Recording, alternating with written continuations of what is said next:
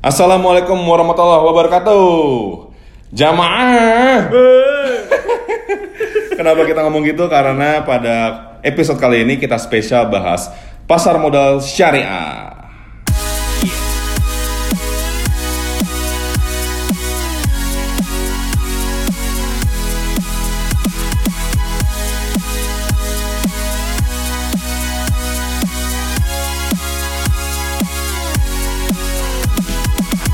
Oke, nah sekarang gue lagi-lagi nggak sendirian karena kalau ngomong pasar modal syariah itu gue nggak terlalu ahli ya, makanya kita harus uh, undang narasumber yang kompeten banget ngomongin pasar modal syariah, yaitu dari tim apa nih pengembangan investor ya? Kita Atau nyebutnya IDX Islamic. IDX Islamic, jadi tim syariahnya Bursa Efek Indonesia bareng Mas Dery. Assalamualaikum, akhi.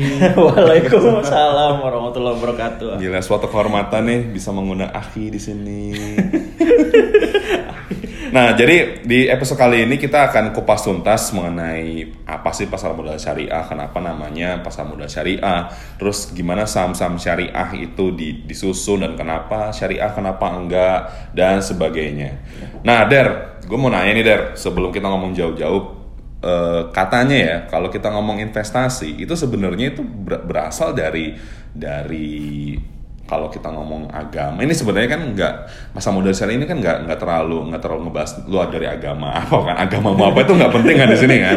Walaupun memang sebenarnya lebih identik ke agama Islam. Dan memang kalau misalnya di Islam sendiri sebenarnya dari awal katanya udah udah ngajarin ya sebenarnya bahwa kita tuh sebagai umat muslim tuh harus investasi bener nggak sih Ya, betul sekali. Jadi kenyataannya nih sekarang suka atau tidak suka, senang atau tidak senang yang namanya pasar modal syariah atau keuangan syariah itu udah ngetren.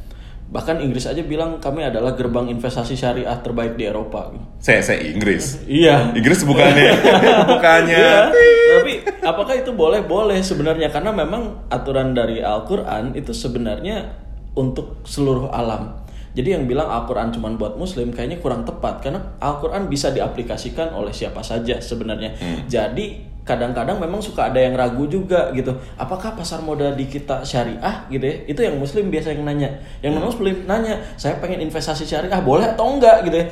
Ini pertanyaan di sosial media banyak sekali hal yang seperti itu dan saya pengen sekali ngasih tahu bahwa pasar modal syariah itu adalah muamalah. Wah. Semua bentuk muamalah itu boleh. Muamalah itu apa sih hubungan antara manusia? Bisnis adalah hubungan antara manusia. Jadi apa pun boleh kecuali ada dalil yang melarangnya.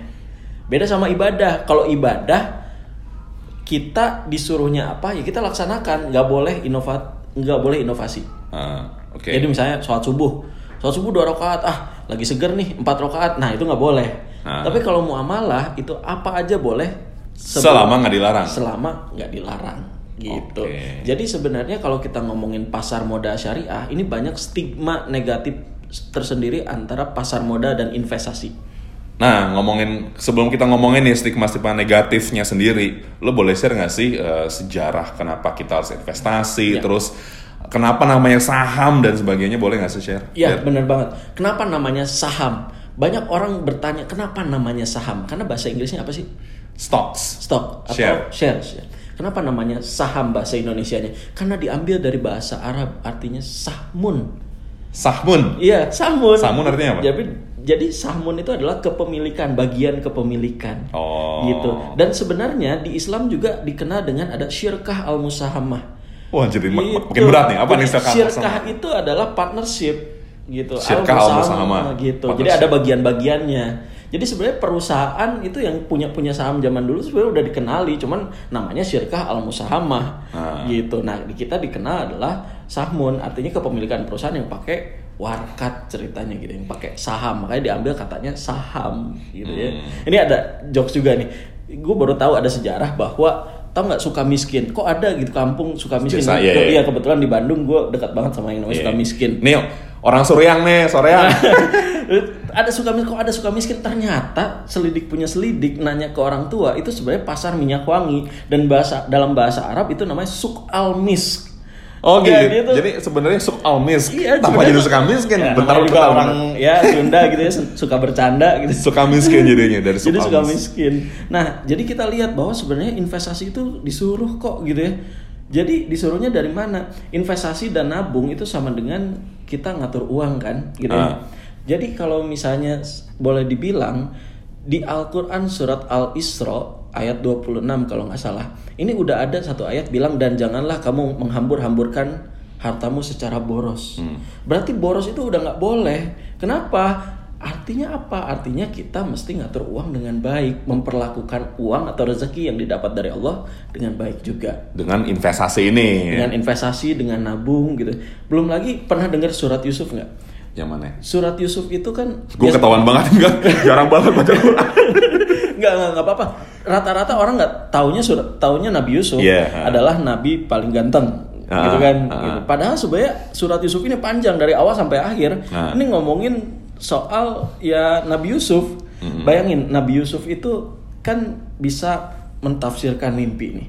Kan rajanya mimpi ada tujuh sapi kurus makan tujuh sapi gemuk gitu kan. Ah. Ada tujuh bulir gandum yang jelek-jelek makan tujuh bulir gandum yang bagus-bagus gitu ya. Yeah. Nabi Yusuf tuh udah tahu bahwa tujuh tahun akan subur, tujuh tahun akan paceklik. Jadi sebenarnya kalau kita lihat in term of economics, kita lihat adalah business cycle. Jadi ekonomi kita tuh nggak bakal naik terus. Oke. Pasti ada turun-turunnya. Berarti masuknya ke bisnis cycle ya. Itu masuk Betul. ke bisnis Ekonomi apa pun, ekonomi negara, ekonomi rumah tangga, ekonomi toko kayak, ekonomi apa kayak, pasti nggak bakal naik terus kan. Ah. Solusinya apa? Nah ini dia. Solusinya di ayat ke-4 ke-47 dibilang bahwa agar kamu bercocok tanam tujuh tahun berturut-turut sebagaimana biasa, apa yang kamu tuai hendaklah biarkan ditangkainya kecuali sedikit untuk kamu makan. Ini ayat ini luar biasa. Ini soal ngatur uang itu udah diatur di ribuan tahun yang lalu di zaman Nabi Yusuf. Ini makanya nggak heran bahwa di surat ini dibilang bahwa ini adalah surat yang atau kisah yang terbaik yang diceritakan kepada Nabi Muhammad SAW. Di ayat ketiganya sendiri dibilang bahwa ini adalah kisah terbaik dan ini luar biasa. Kalau kita lihat di ayat 47 ini, maka kita bisa menyimpulkan bahwa kalau kita mau selesai masalah ekonomi, satu mesti produktif. Hmm. Mesti punya duit dong kalau misalnya mau selesai masalah ekonomi. Yang kedua, kenapa pakai analoginya bercocok tanam? Artinya kita harus sesuatu yang bertum bertumbuh, punya sesuatu yang bertumbuh. Kalau kita melihat apa sih yang bertumbuh? Aset. Gimana caranya menumbuhkan aset? Lewat mana kira-kira? Lewat pasar modal salah satunya atau investasi. Yang ketiga, biarkan ditangkainya kecuali sedikit untuk kamu makan. Ini menurut saya ada cerita soal protection. Jadi artinya kita mesti nabung dan minimal punya asuransi. Minimal BPJS deh lah. Iya, iya, Tapi manusia sekarang kan banyak manusia BPJS. Budget pas-pasan juga sosialita.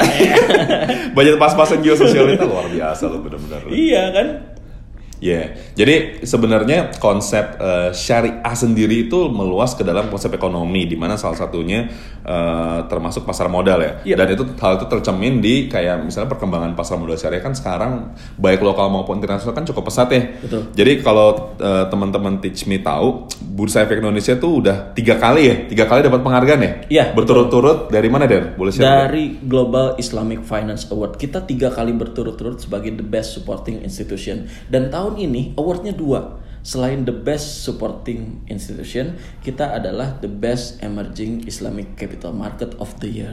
Luar biasa. Itu itu internasional ya, mendunia berarti ya. Semua orang sudah mengakui pasar modal syariah kita luar biasa. Luar sebenarnya. biasa. Syukron, syukron. Syukron. Berarti berarti satu eh, IDX di, dipandang sebagai eh, institusi yang supporting banget eh, pasar modal syariah dan terbaik di emerging market ya. Iya betul. Luar Betul biasa. sekali. Jadinya. Jadi eh, berarti kan eh, apa namanya? prospek-prospek dari saham-saham syariah itu kan gede banget ya, Derek. Ya.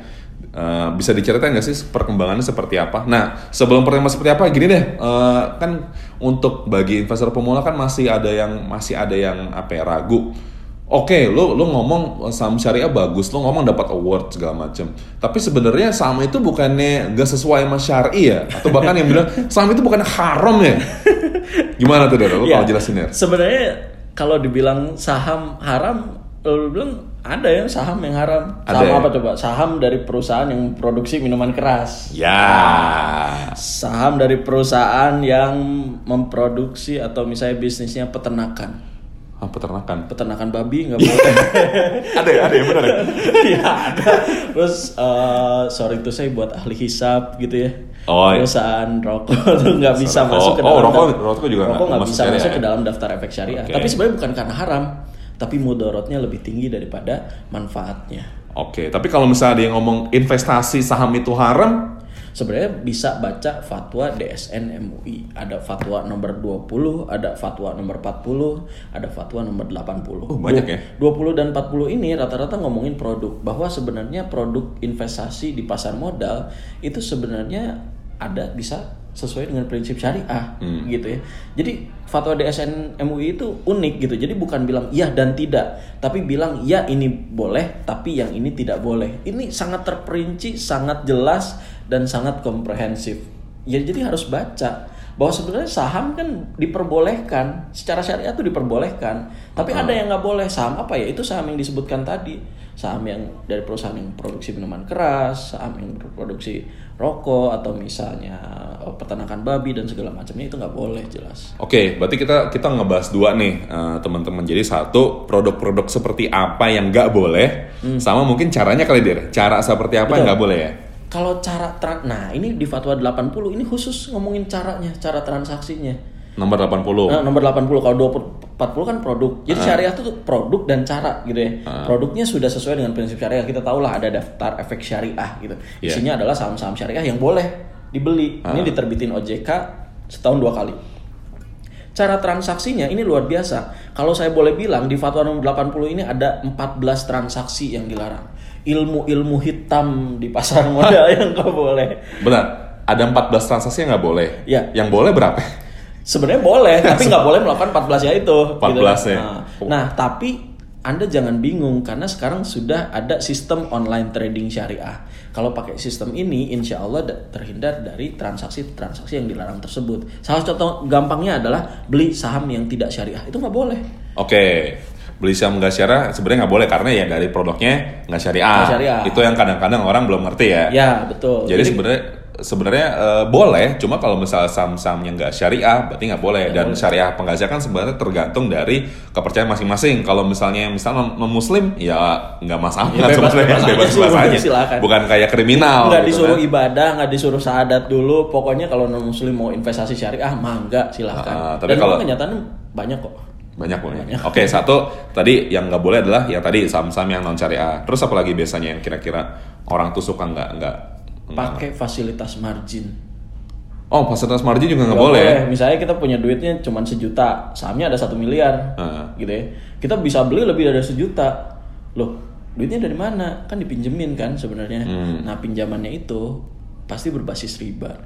Oke. Nah, itu nggak boleh. Berarti margin nggak boleh karena ada ribanya ya. Ada ribanya, betul. Jadi transaksinya kalau pakai sistem online trading syariah bebas riba karena tidak memungkinkan orang untuk membeli melebihi cashnya. Jadi cash basis, ada uang, ada barang. Iya, iya, Kalau iya. duitnya nggak cukup, ya nggak bisa. Nah ngomong-ngomong soal riba nih kan kayaknya banyak banget nih yang eh, anti riba-riba klub nih. Lo jangan jangan nabung di bank karena riba ada. Nah kalau kayak saham-saham banking gitu berarti gimana dia? Nah, ini dia saham institusi keuangan konvensional itu Ah. tidak boleh. Oke karena. Tapi ya karena memang institusinya jasanya jasa ribawi itu nggak boleh. Oke, berarti confirm ya. Berarti Confirm. eh, salah eh, apa namanya banyak saham-saham banking yang nggak masuk daftar efek syariah, nggak masuk indeks syariah karena memang eh, bisnisnya mengandung ribawi tadi ya. Ya, Tapi kalau misalnya ditanya saham BRI syariah boleh nggak? Boleh. Boleh Karena karena, bukan institusi keuangan konvensional dan syariah. bukan jasa ribawi. Oke. Jadi saham BRI syariah, BTPN syariah, Paninbank syariah, boleh. Kayak asuransi gitu, asuransi jasa apa gitu kalau nggak salah yang syariah, asuransi jasa yang syariah tuh. Ah. Asuransi jiwa syariah kalau nggak salah satu emiten kita itu boleh. Boleh. Jadi saham syariah itu ada yang diseleksi masuk ke daftar efek syariah, ada yang mendeklarasikan bahwa adalah saya adalah saham syariah. oh gitu. Contohnya kayak BRI Syariah, kan emang di namanya aja udah BRI Syariah nih, Ah. gitu ya. Tapi kalau Telkom, kok Telkom saham syariah?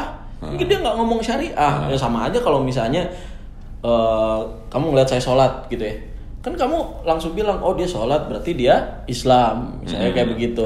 Nah ini juga sama, gitu. Jadi mereka itu adalah diseleksi sama otoritas jasa keuangan gitu bahwa saham ini ternyata dari anggaran dasar dari laporan keuangan gitu ya dari bisnisnya ternyata tidak bertentangan dengan prinsip syariah maka walaupun dia tidak mendeklarasikan diri bahwa dia adalah saham syariah dia termasuk ke dalam daftar efek syariah. Oke, kalau dari produknya kan cukup clear ya. Kalau misalnya dia tadi eh, peternakan peternakan babi ya berarti nggak syariah. Terus biasanya apa sih kalau dari aspek keuangan gitu ada nggak sih penilaian penilaian syariah Ya. nggak syariah? Jadi untuk masuk sebagai saham syariah, ini selain bisnisnya, laporan keuangannya pun ini harus sesuai dengan prinsip syariah. Jadi ad- ada kita lihat dari fatwa DSN MUI itu nggak boleh punya utang berbasis riba lebih dari 45% terhadap total aset. 45% dari Bayangin total debt to asset deh.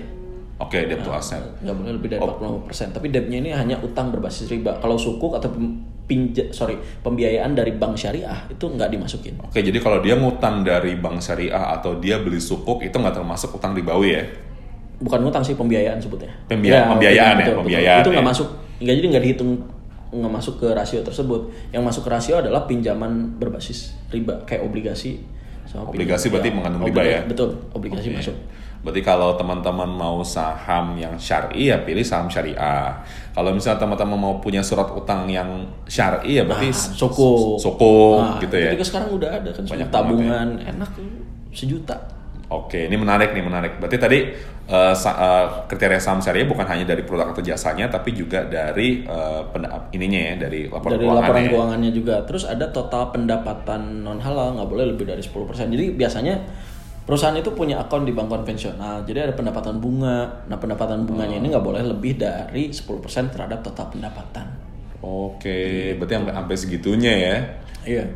Kok itu kan sering jadi yang sering jadi problem ada pertanyaan mau 10% kayak mau 5% kayak tetap aja itu adalah Iya. dapat dari bunga riba gitu kan. Ah.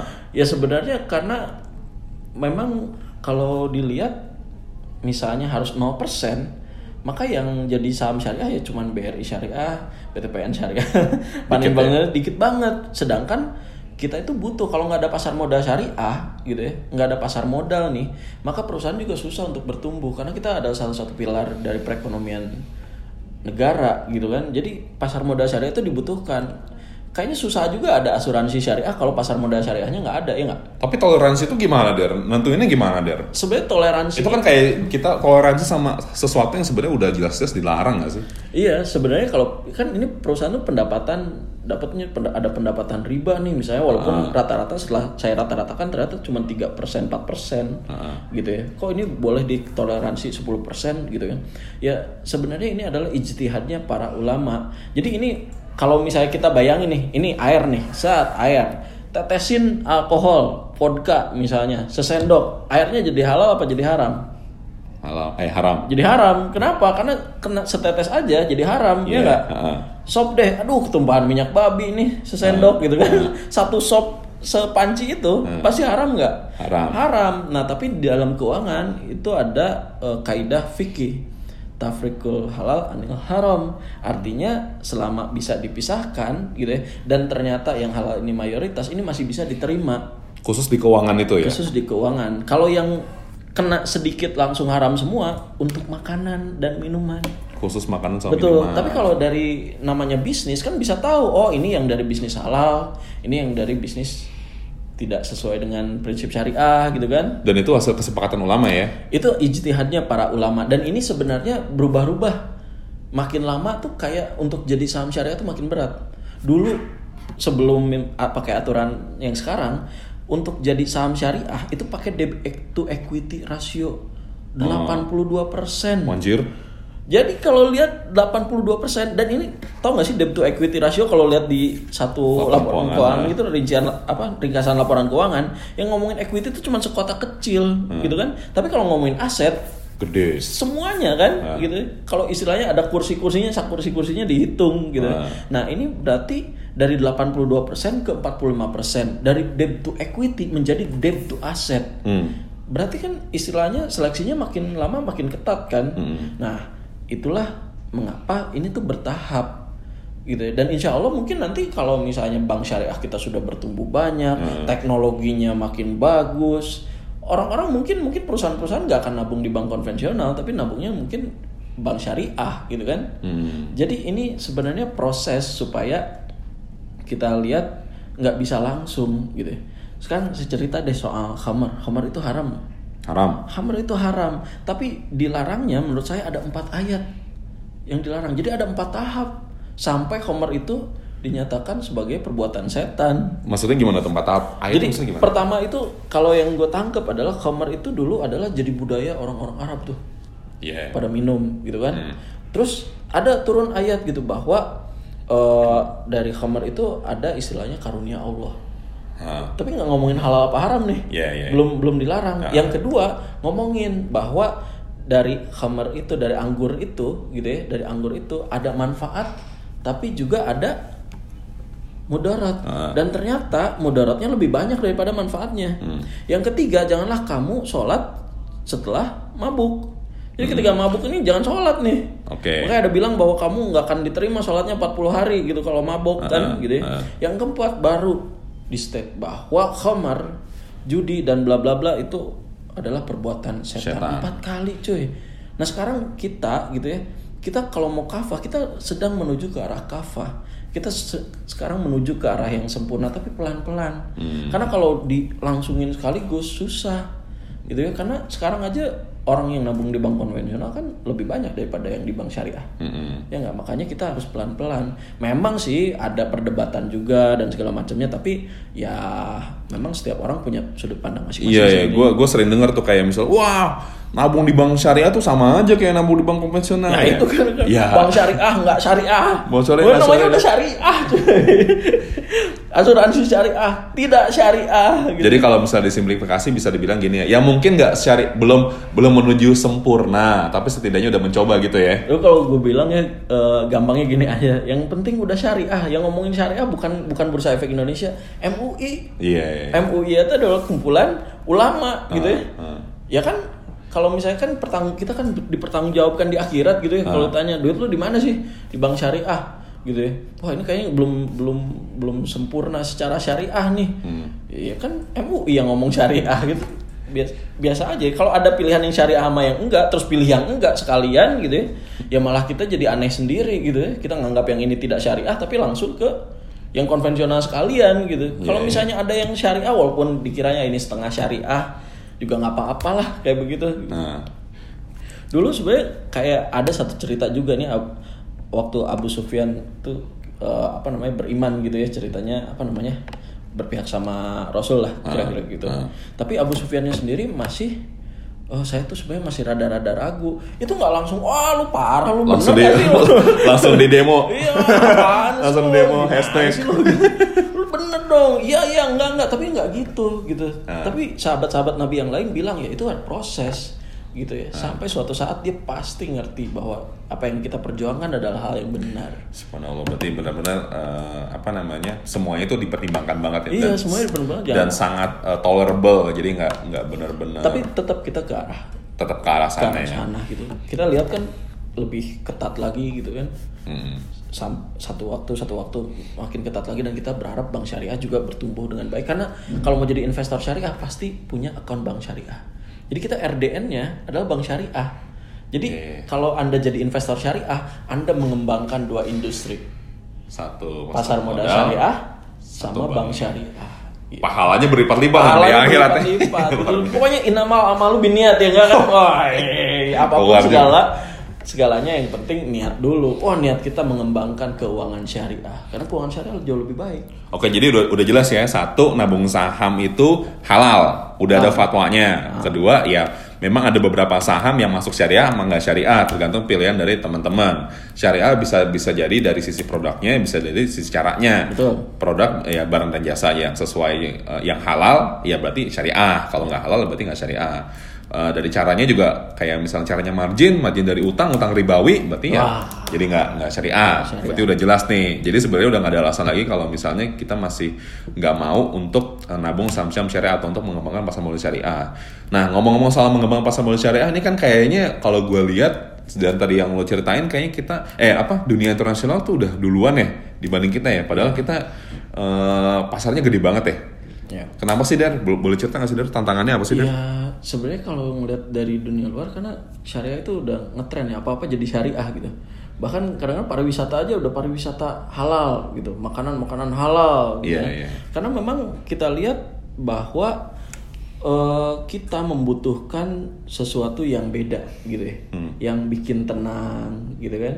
yang bikin kita nyaman gitu. Nah, syariah ini balik lagi ke nama syariah. Kenapa namanya syariah sih? Syariah itu apaan sih? Kayak gitu kita ngomongin syariah, syariah itu apa sih? Nah, syariah itu sebenarnya secara etimologi namanya adalah jalan. Hmm. Gitu. Kalau dibilangin syariat Islam, oh jangan mikirnya ke mana-mana nih, gitu Iya, ya, syariat Islam. Jadi itu adalah jalan menuju selamat. Islam itu selamat gitu, jalan menuju selamat. Caranya gimana? Nah, kalau bisnis bisnis yang bagus dan baik gitu. Karena tidak semua bisnis yang bagus baik. Enggak. Eh, ya, ya, ya. bisnis miras bagus kan Profitable. profitable gitu kan tapi tidak baik Iya, gitu Berarti eh, kita kita eh, saham syariah itu udah ada berapa sih?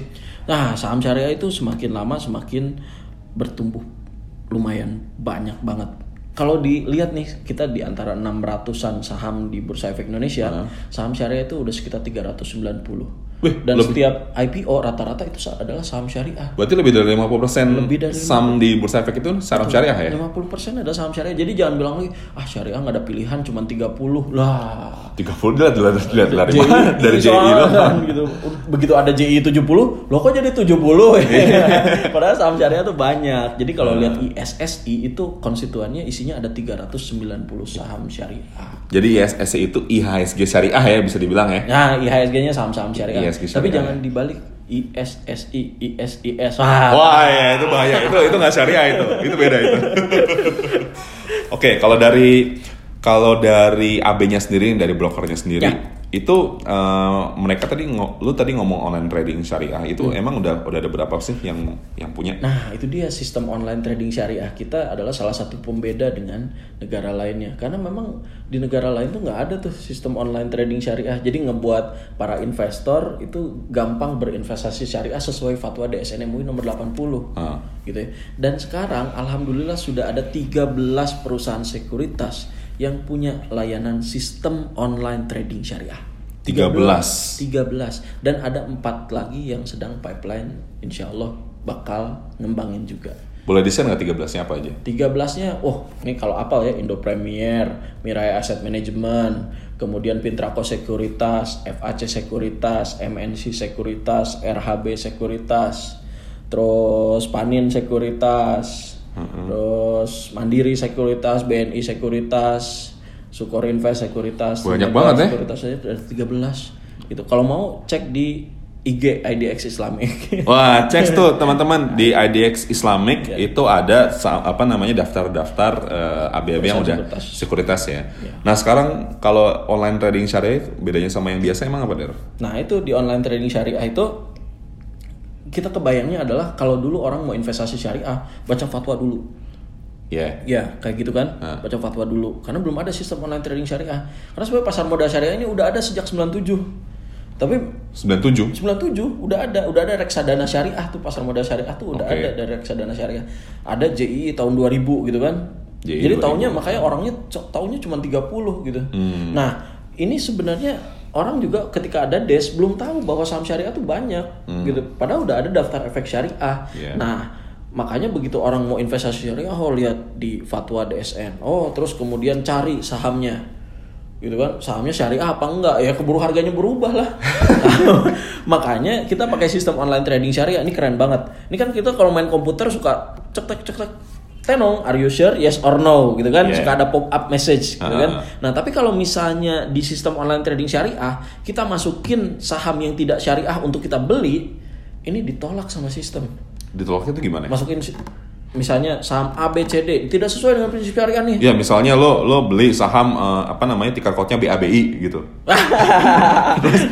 Tenong gitu, maaf transaksi Anda ditolak karena tidak sesuai ayat sekian, hadis sekian. Serius sampai segitunya? Tutup transaksi Anda. Anjir. Iya. Ini banget Kalau ya. tidak sesuai fatwa DSN MUI ditolak sama sistem. Contohnya beli saham yang tidak syariah. Heeh. Yang kedua margin trading nih, duitnya cuma 100 ribu pengen beli Telkom, misalnya kan nggak cukup gitu ya. Hmm. Apa yang terjadi gitu? Ya itu tadi diceramahin. Tenong, maaf transaksi Anda ditolak karena tidak sesuai ayat sekian, hadis sekian. Dan- Allah telah menghalalkan jual beli dan mengharamkan riba serius. Ini sistem keren banget, nggak ada lagi di dunia. Tapi udah ada beberapa negara yang menghubungi Bursa Efek Indonesia, menghubungi divisi pasar modal syariah, pengen diajarin dong gimana caranya mengembangkan pasar modal syariah. Mesir, Bangladesh, Brazil, macam-macam. Bahkan Malaysia aja ini belajar sama kita juga nih bagaimana. Padahal Malaysia udah udah ini banget ya. Iya. Udah syariah banget. ya. Sebenarnya kita juga nggak jauh-jauh amat kok perkembangannya sama sama negara lain gitu ya. Hmm. Boleh dibilang gitu kalau ngomongin sukuk aja gitu. ya, Delapan negara penerbit sukuk gitu ya. Sama istilahnya sama pasar kita gedean mana itu masih gedean kita jumlah penduduk muslimnya. Itu kalau mau Iya sih kita, gede banget sih. Ya cuma masalahnya Iya, tadi cuman ya. cuman Gitu. buat menyenangkan gua cuma ya gitu ya. Jadi PR ya PR-nya banyak lah. jumlahnya iya. banyak, PR-nya juga masih Iya, banyak berarti. nah, ya. intinya itulah. Berarti nanti eh, kayak apa tadi lo beli produk yang syariah fat- eh, ininya beda, notifikasi beda. Lo beli pakai margin, notifikasi juga beda juga short gitu. selling kan memang rata-rata juga short selling di semua perusahaan sekuritas rata-rata udah nggak bisa gitu. Heeh. Tapi eh, kalau dulu kan pernah kan waktu zaman BEJ kali ya pernah melakukan short selling. Apa sih short selling? Short selling itu bukan jual beli dalam jangka waktu pendek. Banyak orang misalnya Short gitu ya. Oh, oh, short, oh short pendek kan gitu kan pendek tuh apa pendek apa pendek celana apa pendek apa Ah. orang berpikirnya bahwa oh nggak boleh beli pagi jual sore padahal dalam syariah itu boleh yang nggak boleh adalah menjual saham yang tidak kita miliki. Contoh nih nggak punya saham ABCD tiba-tiba kepikiran aja ah gue pengen jual saham ABCD ya pasti ditolak sama sistem. Iya, iya, iya. gitu sama aturan yang kita berlaku di bursa aja kadang-kadang nggak bisa nggak sesuai kan? Di di perusahaan sekuritas juga nggak sesuai apalagi di syariah gitu kan? Apa yang dilarang sama kita sama undang-undang pasar modal sama peraturan kita rata-rata dilarang juga kok di syariah. Hmm, nah itu tadi banyak orang yang keliru ngomongin short selling itu adalah jual beli dalam jangka pendek padahal bukan. Short selling adalah menjual barang yang tidak kita miliki atau menjual saham yang tidak kita miliki. Itu nggak boleh. Walaupun gini misalnya saya menjual saham ABCD tapi saham ABCD-nya minjem dari perusahaan sekuritas. Kepemilikannya kan minjem. Hmm, barang pinjaman kok dijual. Nah itu nggak boleh. Oh iya iya iya iya. Itu juga berarti salah satu eh, mekanisme yang diatur di pasar modal syariah Pasar ya, modal syariah, di online trading syariah juga ya. ya nggak boleh margin nggak boleh short sell nggak boleh beli saham yang tidak syariah Dan tadi yang 13 ya, 13 14 transaksi eh, yang dilarang ya enggak eh, yang sekuritas kan 13 ya. Oh yang sekuritas ada 13, 13 itu mereka setuju untuk melaksanakan Betul, itu ya. hampir semua eh, sama gitu, hampir semua sama. Cuman yang beda adalah ada tampilan, ada layanan tambahan fasilitas-fasilitas lain lah gitu ya. Tapi semuanya sesuai dengan prinsip syariah. Luar biasa. Jadi udah gak ada alasan lagi tuh bagi teman-teman yang sangat syari Untuk syar- ragu. Syari untuk ragu, ya tenang aja kita juga pasar modal syariahnya juga udah super syari ya. Insya Allah. Insya Allah. gitu. Terus eh, apa namanya? eh, kan ini Bursa Efek Indonesia kan udah udah dapat penghargaan banyak banget, sering banget ya. Boleh diceritain gak sih atau di share sedikit kira-kira nanti next next time mau mau ngapain sih di pasar modal syariah?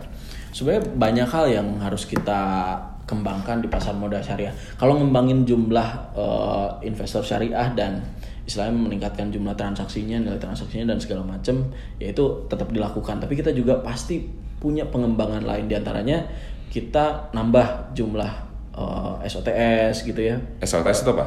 AB yang punya fasilitas sistem online trading Syar- syariah. syariah online trading Hmm, system. gitu. Oh iya. iya. Kemudian kita kan sudah ada zakat saham, zakat dan sedekah saham. Nah, menarik tuh. itu kan. Itu apa tuh zakat Jadi saham? orang itu kan kepikirannya kalau mau zakat atau mau sedekah itu pakai duit kan. Iya. Ini kalau misalnya ah gue pengen sedekah dan pengen zakat gitu kan, ya udah gue kasih sahamnya. Lah. Itu bisa. Mekanismenya gimana? Mekanismenya adalah lewat Baznas. Jadi Baznas itu udah bisa terima zakat atau sedekah dalam bentuk saham. Jadi misalnya gue nih, gue eh, tiba-tiba dapat wangsit, lu harus banyakin sedekah gitu. Ya, Terus oh, gue mau yang gue punya adalah saham kebanyakan gitu gue kan. nggak punya duit, gue cuma punya saham gitu ya. punya saham, orang gue hidup dari dividen misalnya kayak gitu kan. Boleh. Wah, ini adalah satu lot saham Telkom kasih Nah itu gue ngasihnya ke ke Baznas. ke Basnasnya. Jadi misalnya eh, gue datang ke Basnas, gue mau dong ngasih satu saham Telkom gitu. Ya, nanti ada formnya buat dialihin dan segala macam, ada mekanismenya. Nah nanti satu saham Telkom itu di Basnas dikonversi atau Enggak disimpan sama mereka. Jadi, Disimpan. eh, jadi buat mereka biasanya hak gunanya jadi milik mereka. Misalnya dapat mereka dapat dividen nih. Dividennya akan disalurkan ke yang membutuhkan kayak Oh, gitulah. jadi jadi tetap eh, apa namanya yang disalurkan yang membutuhkan itu dalam bentuk cash. Ya. Cuma nanti cashnya itu adalah hasil dari dividen Ya, dari yang saham-saham yang di itu. ya. Pokoknya intinya dikelola sama Basnas lah intinya. Pokoknya kalau kita mau zakat mau sedekah lewat Basnas nanti Basnas yang atur. Ceritanya segampang itu, tapi kita ngasihnya bisa pakai saham. Insya Allah. Berarti itu pahalanya berapa kali lipat tuh? Satu. dia udah mengembangin uh, industri pasar modal. Iya. Dua, dia udah ngembangin uh, industri bankingnya pasar modal. Betul. Terus dia juga apa namanya tadi zakat. zakat gitu kan dan ini salah satu yang dapat penghargaan juga dari dunia internasional bahwa Oh, iya. Mana gitu produk lain di dunia yang punya sistem kayak kita gitu. Orang bayangin Basnas bisa menerima zakat dalam bentuk kalau emas mah udah masuk akal lah Oh, gitu ya. Iya, iya, iya. emas uang gitu itu udah, biasa lah gitu. Ah. ini pakai saham. Sehingga kan kalau saham kan ada dividennya gitu. Kadang-kadang eh, istilahnya kan bertumbuh gitu kan. Jadi Ah. asetnya besar gitu. Jadi dana kelolaannya tuh besar. Sehingga dia bisa menyalurkannya juga lebih besar juga Berarti sa- sa- uh, salah satu syaratnya berarti saham-saham yang syariah ya. sahamnya harus syariah Kalau kayak sukuk gitu boleh nggak? kalau sukuk sih sebenarnya belum ada ya maksudnya tapi Oh belum. insya Ini Allah kita masih yang saham dulu Oh, ya. Insya Allah Pelan-pelan nanti ya. kalau misalnya ini sudah berhasil, udah jalan dan memang Basnas sudah punya sistemnya gitu dan segala Ah. macam, Insya Allah bakal lebih diperluas lagi. Bahkan sekarang, Insya Allah ada kajian yang akan membahas tentang wakaf saham, zakatnya ada, wakafnya ada, gitu kan? Kan kalau kita kebayang wakaf tuh apa sih tanah gitu kan? Iya. Buat kuburan Oke, kayak, ah. buat buat masjid kayak, Ah. ini bisa dalam bentuk saham. Tapi detailnya belum bisa digambarin kayak gimana karena memang masih dalam tahap kajian gitu. Sedang ke arah sana ya. Sedang ke arah sana. Jadi kita melihat bahwa sebenarnya Indonesia itu ya sebenarnya pertumbuhan ekonominya bagus kan. Hmm. Uh, tinggi lah segitu mah kan gitu bandingin sama negara-negara lain gitu ya. Iya. Negara sekelas Indonesia gitu. Tapi sebenarnya kan yang kita cari adalah dengan pertumbuhan ekonomi yang tinggi maka pemerataannya juga harus lebih baik. Heeh. Nah, kami melihat bahwa solusi untuk pemerataan adalah zakat, infak, sedekah gitu ya. Nah, kita di pasar modal ikut involve juga gitu, mengembangkan sektor situ. Jadi kita pengen jadi pilar perekonomian Indonesia yang benar-benar semuanya eh, tertopang lah istilahnya gitu. Masya Allah. Jadi eh, udah nggak ada lagi tuh alasan wah sektor pasar modal itu tidak bermanfaat di sektor real ya. Jangan bilang lagi Bursa Efek Indonesia adalah tempat judi.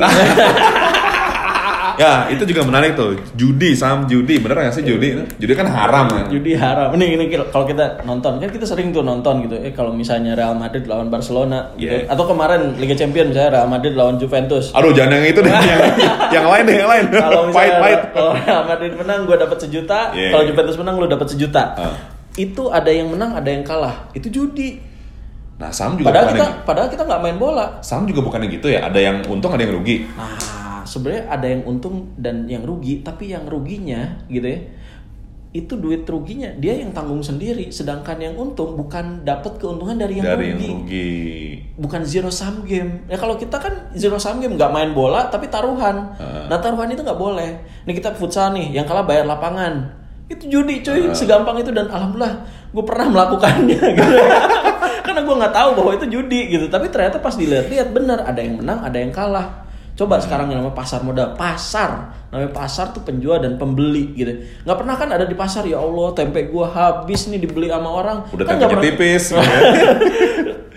itu kan nggak mungkin terjadi. Kenapa? Karena belum tentu orang yang ngejual itu adalah orang yang rugi. Bisa jadi jualannya habis dia untung, Iya, iya, gitu iya. Atau misalnya dia ngejual saham, bukan berarti dia yang rugi. Dia rugi itu karena menjual lebih murah daripada apa yang dia beli, ya nggak? Hmm. Itu risiko dia sendiri, gitu kan? Tapi kalau misalnya kita lihat, apakah yang beli, misalnya lu beli satu saham ABCD di harga 4000 Hmm. lu jual 10000 untung nggak? Untung. Siapa yang beli saham lu 10000 Gue.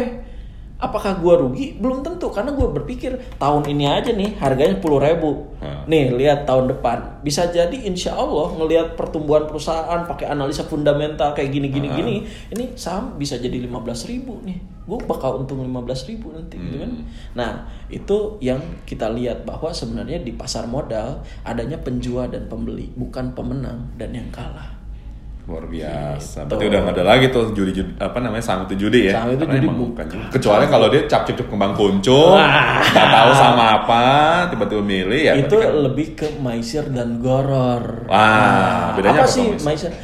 Jadi kalau misalnya di goror itu ketidakjelasan nih, ada saham ICLBK sesuai hati gue banget, wah. CLBK? Ngapain? CLBK? Nggak tahu perusahaannya perusahaan apa, kan? Ini dibeli juga, gitu. Kan. iya, iya. Pokoknya ketemu saham yang nggak kena, pilihan cuma dua, taaruf atau tinggalkan. Hmm. Kalau taaruf ya pelajari analisa fundamental, Iya. analisa teknikal, kenali kan. Gitu. Kalau nggak mau, ya tinggalin. Jadi jangan goror gitu kan. Kalau maisir atau judi-judian gini, ah ini saham lagi rame kayaknya ikutan aja beli. Itu juga termasuk judi ya berarti ya? Itu sebenarnya lebih ke goror yang menuju eh, apa ya? tebak-tebakan lah. Nah ini kan kadang ini sering banget sih sebenarnya dari eh, kayak investor pemula kita nggak tahu nih saham-saham yang- yang bagus kayak apa nih. Terus ternyata wah ini bagus nih lo beli ini ini aja. Terus dia malas belajar eh, mau kerja saham itu akhirnya "Ya udah gue ikutan aja karena dia lagi. Itu juga termasuk itu ini ya. perilaku spekulatif yang tebak-tebakan itu kayak begitu. Itu nggak boleh. Jadi kalau mau beli sesuatu harus tahu apa ini perusahaannya. Jadi kalau kayak begitu contoh kayak gini ada orang banyak banget yang kayak begitu karena ngeliat wah ini udah saham masuk UMA gitu ya. Udah sampai di suspend nih. Kayaknya ini begitu suspendnya dilepas nih gitu ya. Langsung beli gitu kan nah ini adalah perilaku yang tidak tepat. Udah tahu ini saham pergerakannya tidak bagus atau misalnya ada keanehan gitu ya. Ada unusual market activity. Eh tetap dibeli juga. Padahal kita udah kasih warning bahwa sorry ini ada saham ini adalah unusual market activity. Gitu ya. Jangan tebak-tebakan jangan goror. Itu masuk perilaku goror dan itu nggak boleh tebak-tebakan gitu. Kalau misalnya spekulasi yang benar-benar kayak begitu tuh nggak boleh. Jadi misalnya kalau dia dia dengar satu saham yang bagus dan emang yang lagi bagus ya dia tetap harus pelajarin ya Iya, apa jadi- yang bikin bagus gitu ya. karena kalau misalnya spekulasi kalau menurut gua adalah uh, doing something without uh, adequate research. Jadi melakukan sesuatu tapi tanpa apa ya istilahnya tanpa meneliti lebih lanjut gitu. Kadang-kadang kalau misalnya kita kecuali kalau udah terbiasa gitu oh saham saham ini ABCD oh dia mau produksi barang ini nih ini kayaknya keren. Karena gue yakin ini Indonesia mau kayak gimana pun barang ini tetap akan dibeli Ah. gitu. Kemudian gue lihat laporan keuangannya kayaknya wah lima tahun terakhir untung-untung terus. Itu boleh cukup segitu nggak apa-apa. Ada orang yang butuh baca laporan keuangan detil gitu kan. Itu ya adequate research setiap orang beda-beda. Tapi kalau cuma tebak-tebakan saham ABCD singkatannya aja kagak tahu dibeli Iya iya. iya. Sebenarnya sih cukup jelas cukup jelas juga ya Der ya. iya batasan batasannya sebenarnya jelas kok ini tinggal tanya hati sendiri gitu gue gue ngelakukan sesuatu yang goror atau enggak gitu Iya iya iya. iya. jadi analisa fundamental itu wajib Fundamental wajib ya. wajib fundamental tuh Karena ya lo kalau misalnya nggak nggak analisa sendiri ya otomatis lo termasuk dalam mereka yang maisir atau mereka yang, judi yang spekulasi. Spekulatif, Karena lo ya. lo um, mengam- uh, mengambil keputusan investasi tanpa lo tahu uh, pengetahuan yang cukup. Ya, lo betul. langsung langsung aja hajar gitu. itu spekulasi yang tidak diperbolehkan karena kalau misalnya kan orang kalau di kita kan terminologi judi itu ada dua kadang-kadang spekulasi yang karena kita nggak tahu dianggapnya perjudian juga perjudian hidup dan perjudian segala macam gitu ya. Tapi yang sebenarnya judi dalam kata etimologinya yaitu tadi gitu ada zero sum game. Tapi yang dimaksud dengan eh, goror dan em, yang menuju ke maisir itu udah tebak-tebakan banget gitu ya. asal-asalan gitu di pasar modal. Dan itu sebenarnya nggak boleh gitu.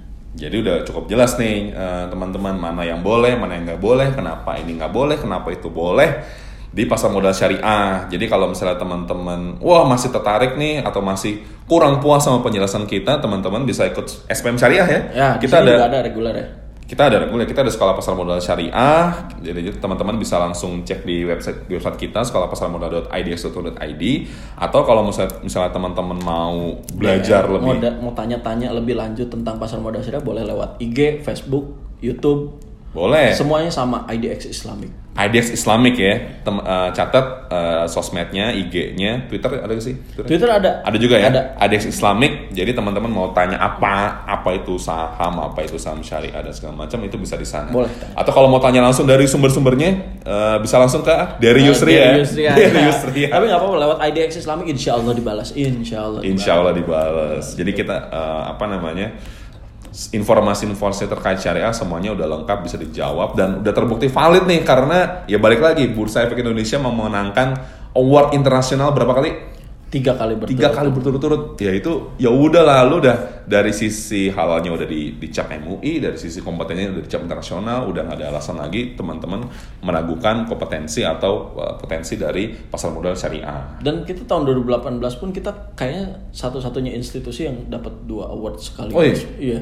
Luar biasa. dari Masya Global Islamic Finance Award. Jadi ya harapannya eh, masyarakat tidak ragu lagi untuk investasi syariah. Kalau mau belajar datang ke Teach Me. Kalau mau tanya-tanya yang rada rigid pertanyaannya silahkan tanya ke IDX Islamic, tim kita insya Allah akan jawab. Mm-mm. Jadi jadi teh, selain sekolah pasar modal syariah, kalau teman-teman masih pengen belajar lebih tinggi lagi, kita ada namanya pendidikan dasar pasar modal syariah atau PDPMS. Itu kita kerjasama juga dengan DSN MUI, lebih detail banget di sana. Dan kalau mau yang lebih tinggi lagi, kita masih ada ASPM atau ahli syariah pasar modal. Itu itu udah level tertinggi yang ada di apa, sertifikasi pasar modal ya karena kita kerjasama dengan jadi pasar modal udah gape uh, dari sisi syariah juga udah khatam gitu. Itu kita juga kerjasama dengan DSN MUI. Siap. Oke, thank you banget Lider atas Siap. pencerahannya nih. Semoga bisa menambah pahala, Ci. Amin. Nama pahala lu sendiri, nama pahala dari pendengar-pendengar, nama pahala dari kita semua gitu ya. Jadi eh, sampai jumpa di episode-episode kita selanjutnya. Semoga episode kali ini mencerahkan. Gue Banyu, Saya Dery. kita pamit dulu. Wassalamualaikum warahmatullahi wabarakatuh. Sampai jumpa di episode Teach Me selan- eh, ngerti selanjutnya karena kita mendengar dan, Dan Teach Me mengerti. mengerti.